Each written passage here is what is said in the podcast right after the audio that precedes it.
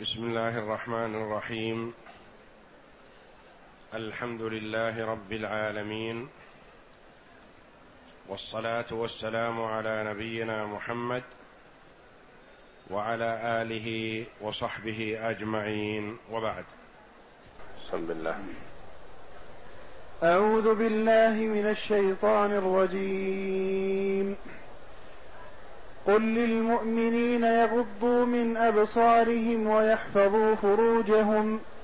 ذلك أزكى لهم إن الله خبير بما يصنعون.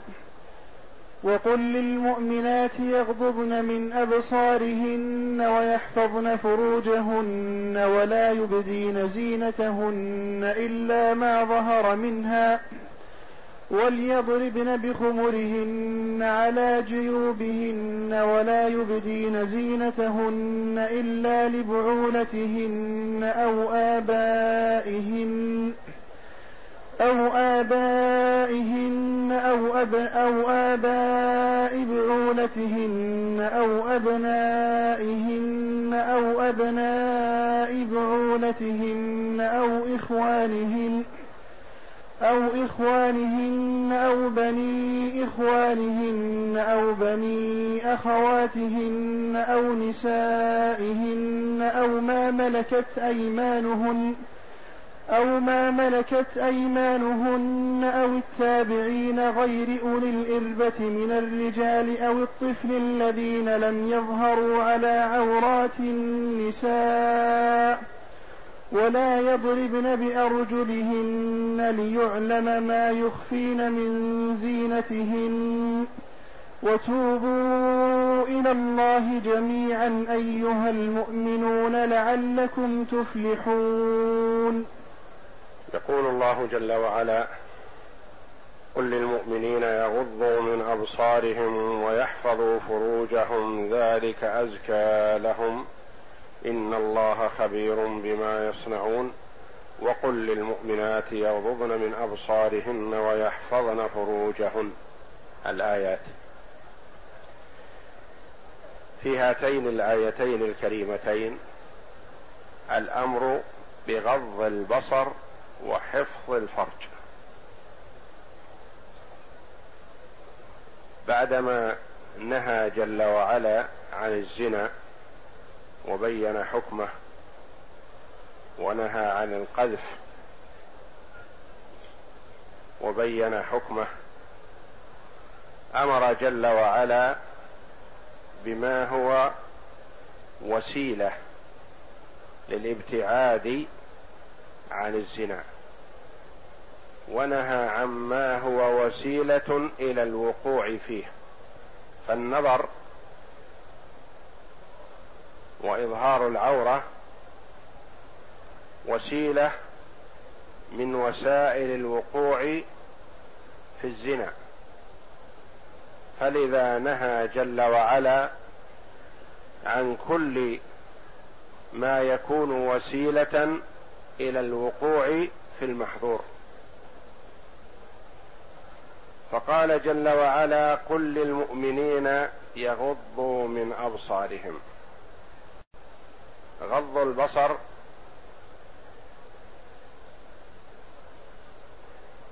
هو إطباق الجفن على العين لئلا ترى العورة. وقبل هذه الآية جاء الاستئذان. والمستأذن يكون عند الباب. ويحتمل أن يكون في الباب شقوق وفتحات يرى المرء منها ما كان داخل البيت. فناسب أن يؤمر بغض البصر إذا وقف ليستأذن. فلا يرى من فتحات الباب وقد استأذن رجل على النبي صلى الله عليه وسلم ومع الرجل ومع النبي صلى الله عليه وسلم مدر عود فرأى صلى الله عليه وسلم بصره من خلف الباب. فقال لو علمت أنك تنظر لفقأت عينك بهذا أو كما قال صلى الله عليه وسلم. وقال عليه الصلاة والسلام إنما جعل الإذن من أجل البصر لئلا تقع العين على عورة. ولذا قال جل وعلا آمرا نبيه صلى الله عليه وسلم بأن يقول للمؤمنين غضوا أبصاركم. قل للمؤمنين يغضوا من أبصارهم. من هذه على رأي جمهور المفسرين بأنها تبعيضية. بأنها تبعيضية. يعني من أبصاركم غضوا بعضها. لأن المرأة لا يؤمر دائما بإغماض عينيه ولم يؤمر بهذا بخلاف حفظ الفروج فهو مأمور دائما بحفظ فرجه. وأما البصر فهو ينظر إلى محارمه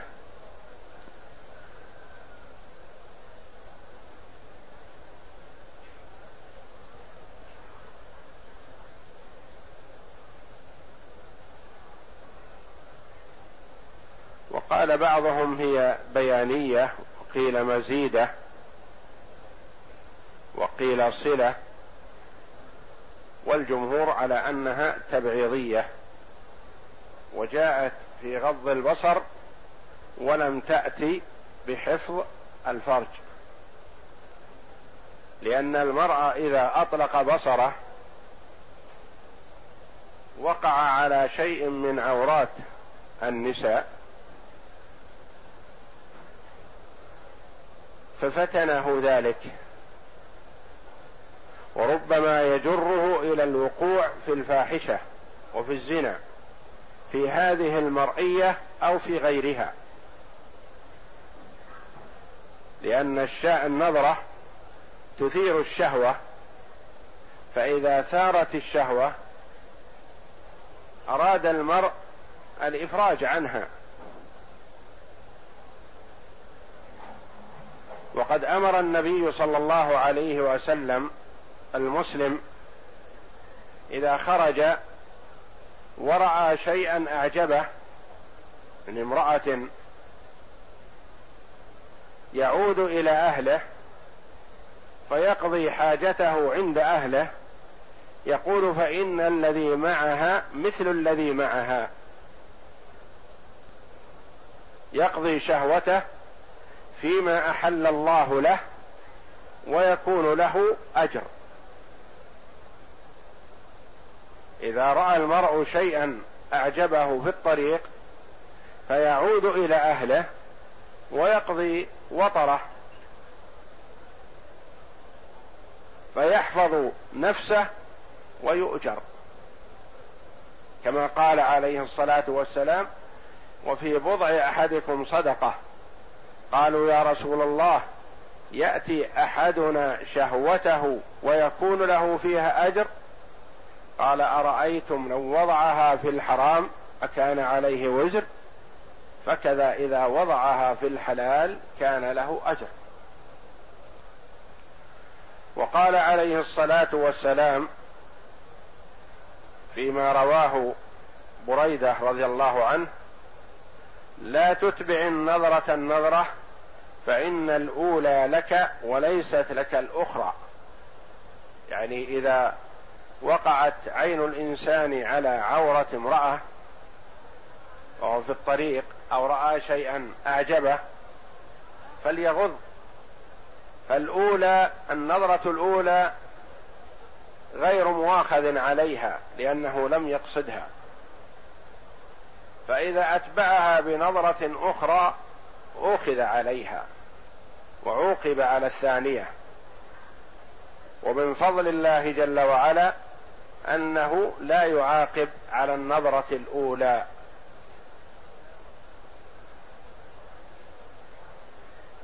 ويقول جرير رضي الله عنه سألت النبي صلى الله عليه وسلم عن نظرة الفجأة فأمرني أن أصرف. يعني أصرف بصري. إذا وقع نظر المرء على شيء فلا يكرس النظر وإنما يصرف النظر ليسلم بإذن الله. وقال عليه الصلاة والسلام كما في الصحيحين إياكم والجلوس على الطرقات. قالوا يا رسول الله ما لنا بد من مجالسنا نتحدث فيها.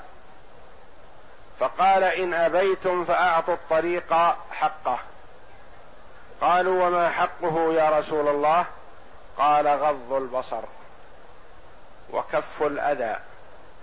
ورد السلام والأمر بالمعروف والنهي عن المنكر. من جلس في الطريق فعليه هذه الحقوق الخمسة.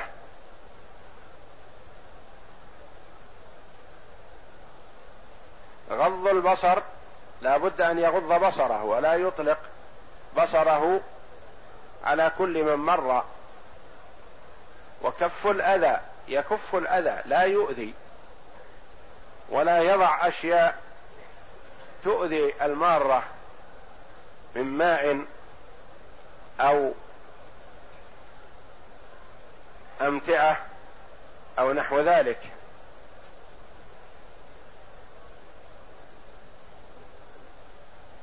ولا يسب ولا يؤذي المار. ورد السلام. إذا سلم عليك فرد السلام. لأن السنة أن يسلم المار على الجالس. والسلام سنة ورده واجب. والأمر بالمعروف. تأمر بالمعروف. إذا رأيت أحدا مقصر في أمر من أمور الدين فمره بالمعروف. وليكن الأمر برفق ولين. والنهي عن المنكر إذا رأيت منكر فانه عنه. فانه عنه بما تستطعه وبما يليق بك. وتغيير المنكر على ثلاث مراتب. باليد لمن يستطيع ذلك وباللسان لمن لم يستطع اليد وبالقلب لمن لم يستطع اليد واللسان. قل للمؤمنين يغضوا من أبصارهم ويحفظوا فروجهم ولم يقل جل وعلا من هنا. لأن غض البصر بالكلية متعذر وشاق. وأما حفظ الفرج فلا فيحفظ فرجه ويحفظ فروجهم يحفظوا فروجهم فلا يقعوا في الزنا أو يحفظوا فروجهم من أن ترى من أن تظهر للناس. يحفظ فرجه عن كل ما لا يحل له. من الوقوع في الفاحشة ويحفظ فرجه فيستره عن الناس. يستر عورته. يستر فرجه إلا عما أحل الله له. من زوجة وأمة. فالزوجة والأمة ترى الزوجة من زوجها وترى الأمة من سيدها عورته كما أن للزوج أن يرى من زوجته جميع بدنها ويرى من أمته كذلك. ذلك الإشارة إلى ما ذكر من غض البصر وحفظ الفرج أزكى لهم أي أطهر. فالمرء يحرص على زكاة نفسه وحفظها من الدنس ومما يشينها فهو إذا غض بصره وحفظ فرجه يكون سعى في زكاة نفسه واستقامتها والله جل وعلا هو الذي يزكي النفوس. فإذا أخذ العبد بالأسباب وفقه الله جل وعلا وزكى نفسه وحفظها وطهرها من كل دنس. إن الله خبير بما يصنعون. كالتعليل لما تقدم لأن الله جل وعلا لا تخفى عليه خافية. فقد يزعم المرء أنه يغض بصره وهو يطلقه وينظر ويسرحه يمينا وشمالا على العورات. فالله جل وعلا خبير ومطلع لا تخفى عليه خافية. فالمرء إذا غض بصره. محتسبا ففي ذلك بشارة له بأن الله جل وعلا مطلع عليه ويثيبه على هذا الغض. والمرء إذا أطلق نظره وإن لم يكن يراه أحد من المخلوقين فإذا كان عند الناس غض بصره وقال لمن حوله غضوا أبصاركم وإذا كان وحده أطلق بصره فالله جل وعلا مطلع لا تخفى عليه خافية. فقد أخرج الحاكم وصححه عن حذيفة رضي الله عنه قال قال رسول الله صلى الله عليه وسلم النظرة سهم من سهام إبليس مسمومة فمن تركها من خوف الله أثابه الله إيمانا يجد حلاوته في قلبه. يثيب الله جل وعلا عبده إذا غض بصره وترك النظر. مخافة الله لا مخافة الناس. أثابه الله جل وعلا إيمانا يجد حلاوته في قلبه. إن الله خبير بما يصنعون. ثم قال جل وعلا وقل للمؤمنات يغضضن من أبصارهن. الأصل أنه إذا ورد الأمر للمؤمنين شمل المؤمنين والمؤمنات. وإذا ورد الأمر للمسلمين شمل المسلمين والمسلمات.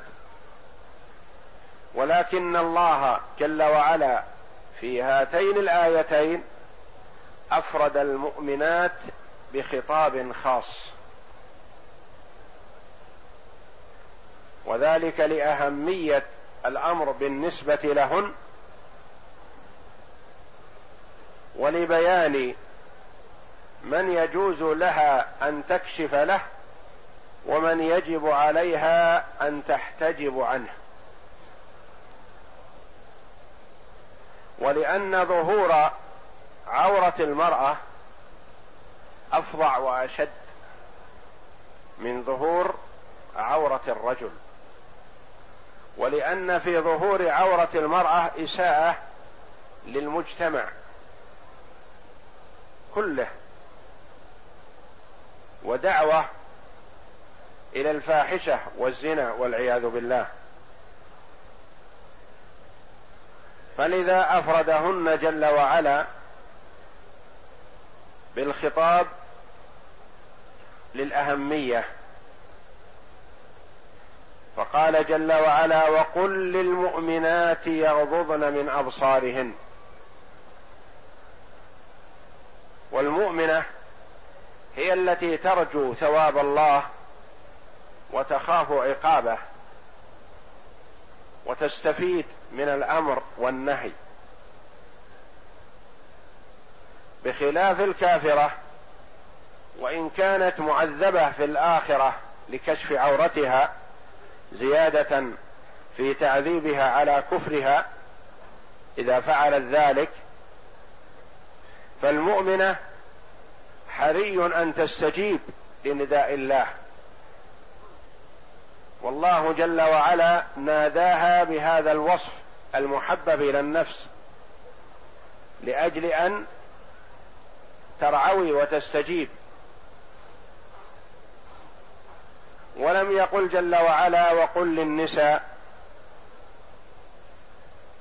وإنما قال وقل للمؤمنات.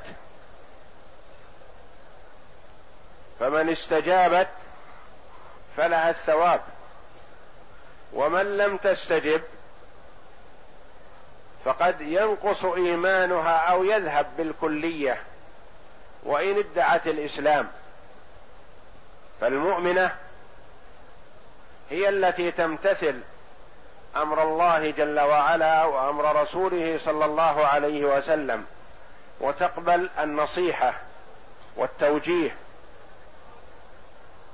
وإذا قيل لها هذا الأمر عن الله وعن رسوله صلى الله عليه وسلم قالت على العين والرأس وتركت ما كانت عليه من السفور والتبرج وإظهار الزينة احتراما لأمر الله جل وعلا وأمر رسوله صلى الله عليه وسلم.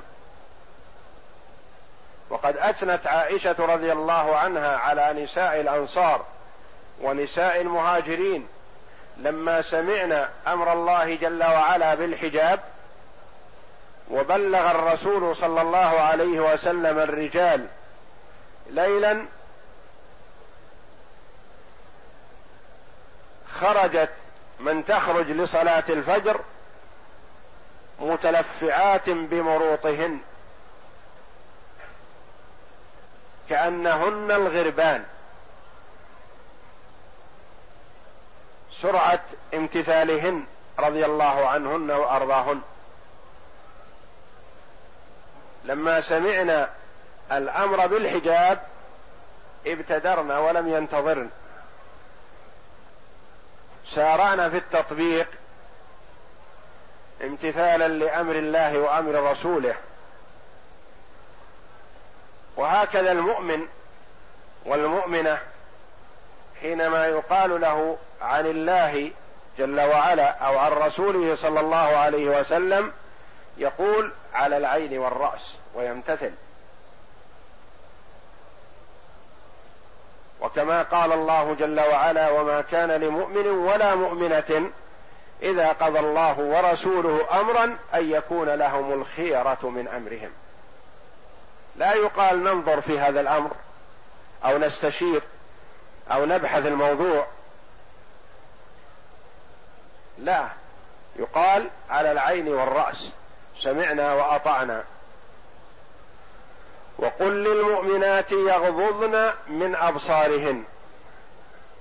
مأمورة بغض البصر لأن المرأة تميل إلى الرجل كما يميل الرجل إلى المرأة.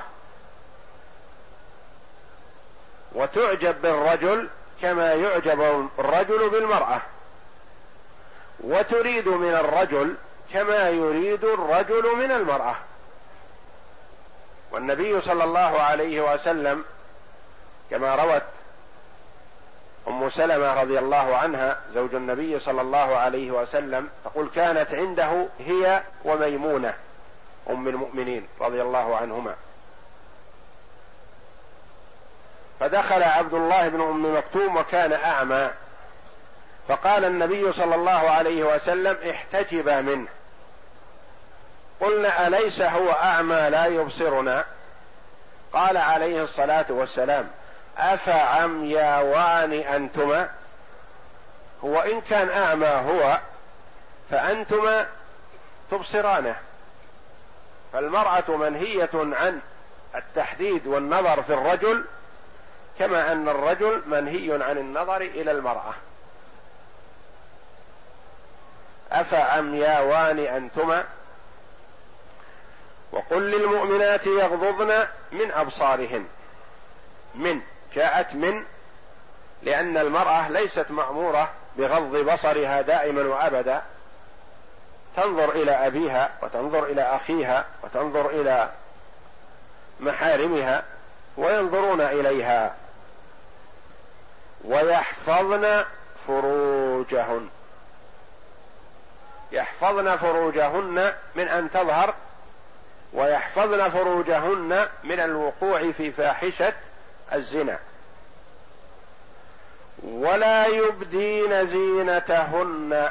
هذا زيادة بالنسبة للنساء لأن المرأة بطبيعتها تميل إلى الزينة والتجمل والمرأة إذا تجملت وظهرت استشرفها الشيطان. ويفرح بذلك الشيطان ليحبل بها بني آدم ليحبل بها الرجال. قال مجاهد رحمه الله إمام المفسرين في مكة إذا أقبلت المرأة جلس إبليس على رأسها فزينها لمن ينظر. وإذا أدبرت جلس على عجيز عجيزتها فزينها لمن ينظر. ولهذا قال الله جل وعلا ولا يبدين زينتهن. لا يجوز للمرأة أن تبدي زينتها إلا لمن أباح الله لها أن تبديها له. ولا يبدين زينتهن إلا ما ظهر منها. ما ظهر منها. المرأة تكون جميلة في الطول والعرض واللباس والعباءة ونحو ذلك هذه فيها زينة لكنها لا تستطيع إخفاءها. لا تستطيع سترها. الله جل وعلا وهبها هذه الصورة وهذا الشكل الحسن في الطول والعرض ونحو ذلك لا تستطيع إخفاء ذلك. قال ابن مسعود رضي الله فهذا تعذر المرأة بذلك. وإن كان في ذلك جمال وملفت للنظر لكنها معذورة بذلك لا تستطيع إخفاء هذا. روي عن ابن عباس رضي الله عنهما أن المراد بالزينة الظاهرة الوجه والكفين. وهذا قول لابن عباس رضي الله عنه. وتطبيق أمهات المؤمنين رضي الله عنهن مع النبي صلى الله عليه وسلم يخالف تفسير ابن عباس رضي الله عنه. تقول عائشة كنا مع النبي صلى الله عليه وسلم محرمات فإذا حاذوا بنا الرجال الرحال سدلت إحدانا جلبابها على وجهها فإذا جاوزونا كشفناه. وخروجهن للمسجد وللحاجة كن يسترن وجوههن وجميع أبدانهن. وقول عائشة رضي الله عنها فيما تقدم حينما جاءها صفوان بن المعطل رضي الله عنه وهي في مكانها الذي جلست فيه تنتظر لما ذهب الجيش تقول وقد رآني وعرفني قبل الحجاب رآها وهي نائمة وعرفها لأنه قد رآها قبل الحجاب. فاحتجبت منه رضي الله عنها وأناخ راحلته وركبت فالتطبيق للآيات الكريمة بغطاء المرأة لوجهها ولجميع بدنها. وفسر ما ظهر منها ما لا يمكن ستره. من اللباس كالعباءة ونحوها والجلباب إلا ما ظهر منها وليضربن بخمرهن على جيوبهن. الخمار هو ما تغطي به المرأة رأسها. وكنا في الجاهلية يرمين الخمار من على الرأس من من جهة القفا من الظهر. فأمرت المؤمنات بأن يضربن بالخمر على الجيوب على فتحة الجيب لئلا يرى شيء من صدرها وعنقها ووجهها لأنه إذا رمي الحجاب من على الرأس إلى فتحة الجيب غطى الوجه والرقبة وأعلى الصدر. وليضربن بخمرهن على جيوبهن ولا يبدين زينتهن. كرر النهي عن إبداء الزينة من أجل ما سيأتي في الاستثناء. ولا يبدين زينتهن إلا لهؤلاء المستثنين. الأول إلا لبعولتهن. البعل هو الزوج أو السيد. إلا لبعولتهن. والبعل يرى من زوجته جميع بدنها. كما أنها هي ترى من زوجها جميع بدنه. كما قال الله جل وعلا هن لباس لكم وأنتم لباس لهن.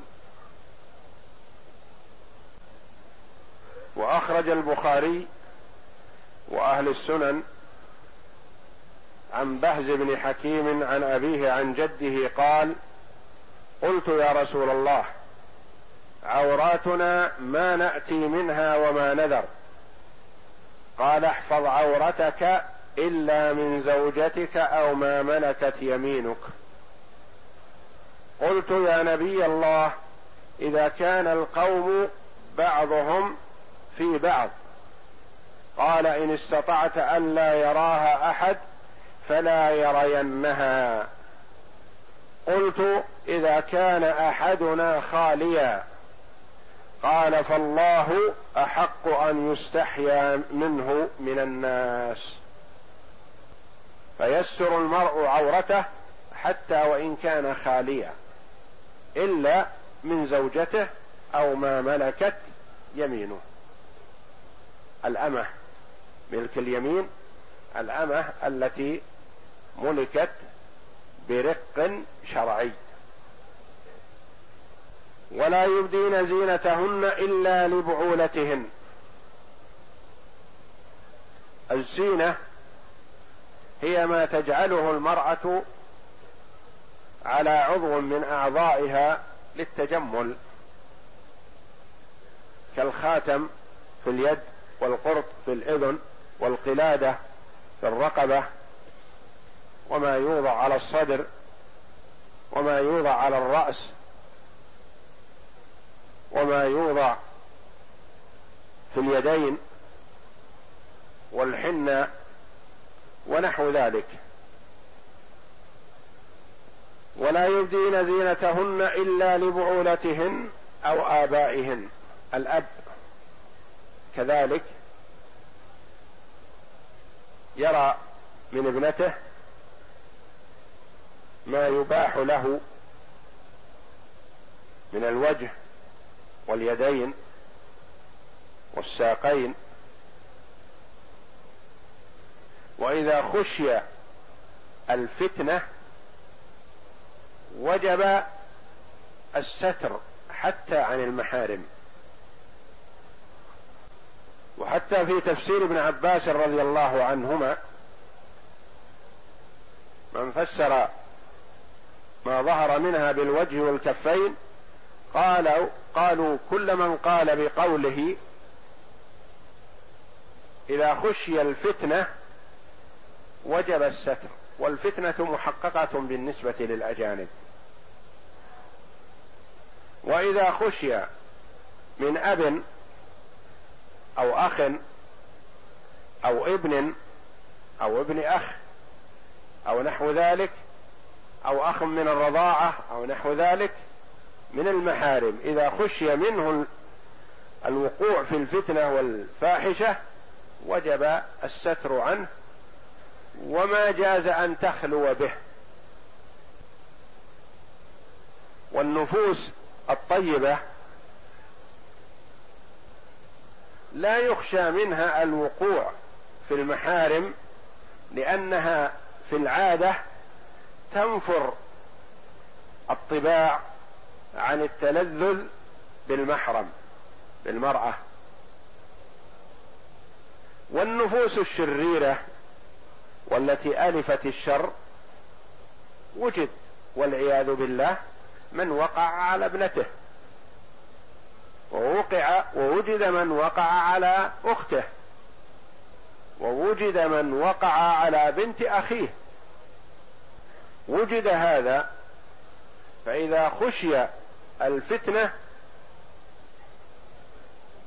وجب الستر وامتنعت الخلوة. ما جاز لها أن تخلو به. ولا يبدين زينتهن إلا لبعولتهن أو آبائهن أو آباء بعولتهن آباء الأزواج وإن علوا من جهة آبائهم أو أمهاتهم. والآباء وإن علوا كالأجداد وآباؤهم أو أبنائهن أو أبناء بعولتهن وإن نزلوا أو إخوانهن أو بني إخوانهن وإن نزلوا أو بني أخواتهن وإن نزلوا أو نسائهن. نسائهن المنسوبات إليهن. وهن المسلمات دون الكافرات. على ما قاله جمع من العلماء وهو رأي عمر بن الخطاب رضي الله عنه الا تكشف المرأة عن عورتها أمام النساء الكافرات.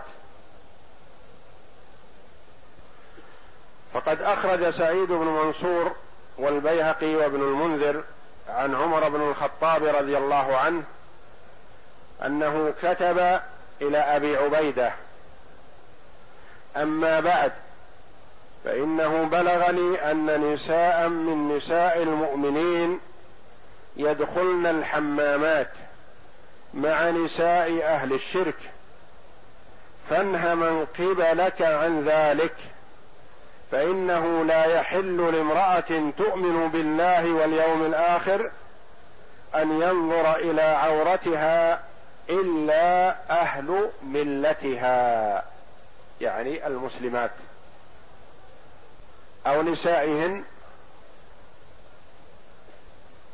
وقال بعض العلماء رحمهم الله إن هذا النهي عن نظر عن كشف المسلمة أمام الكافرات نهي كراهة لا يصل إلى حد التحريم.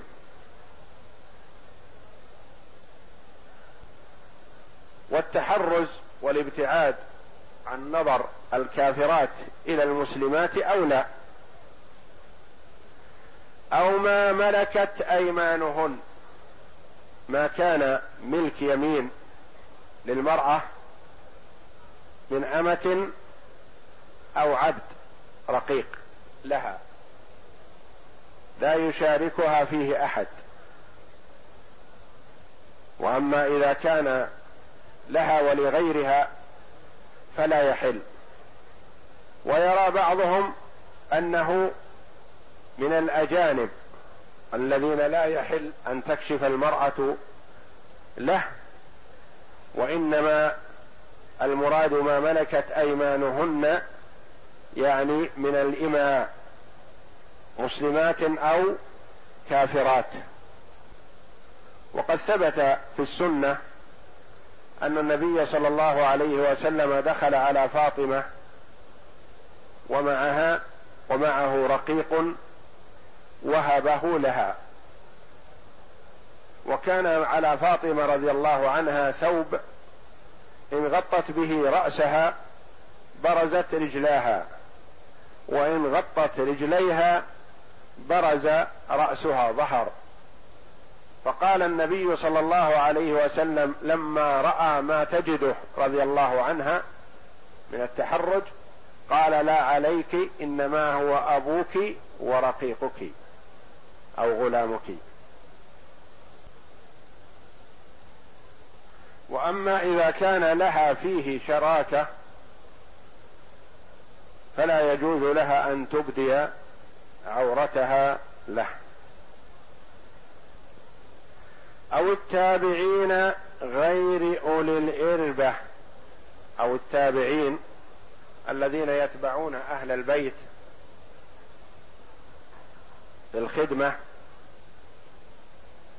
ويأكلون من طعامهم بشرط أن يكون موصوفا بهذه الصفة. غير أولي الإربة. الإربة الحاجة يعني ليس له حاجة إلى النساء ولا يميل إليهن. الذي لا شهوة له. لكبر ذهبت شهوته أو كان أصلا لا يميل إلى النساء. مخنث ليس له شهوة.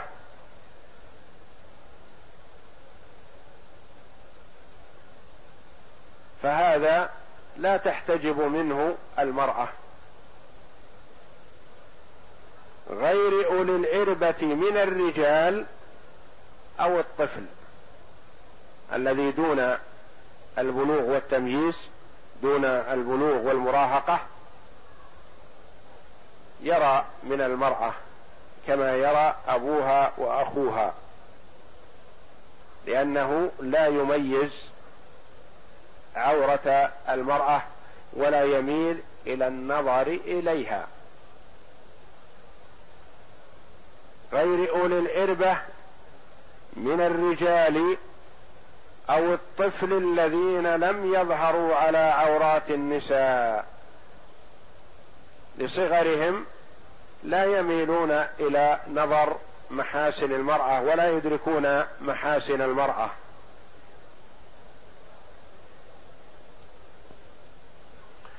لم يذكر في هذه الآية العم والخال وهما من المحارم بلا شك.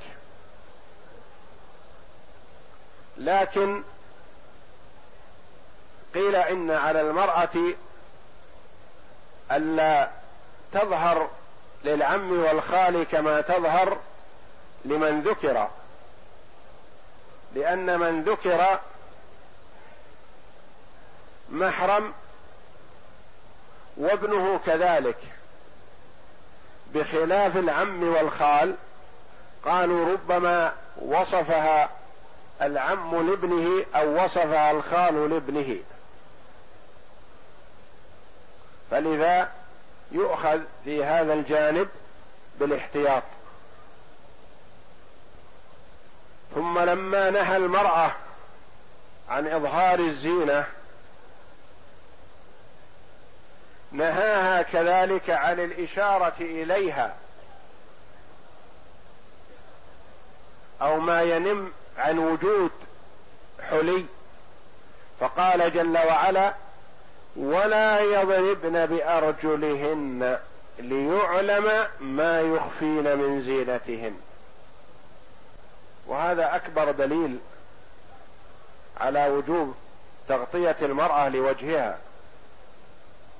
إذا كانت منهية عن ضرب الخلخال بالخلخال ضرب الرجل بالأرض أو الرجل بالرجل حتى يظهر صوت الخلخال لئلا تفتن الرجال فكيف تنهى عن ذلك ويباح لها كشف وجهها؟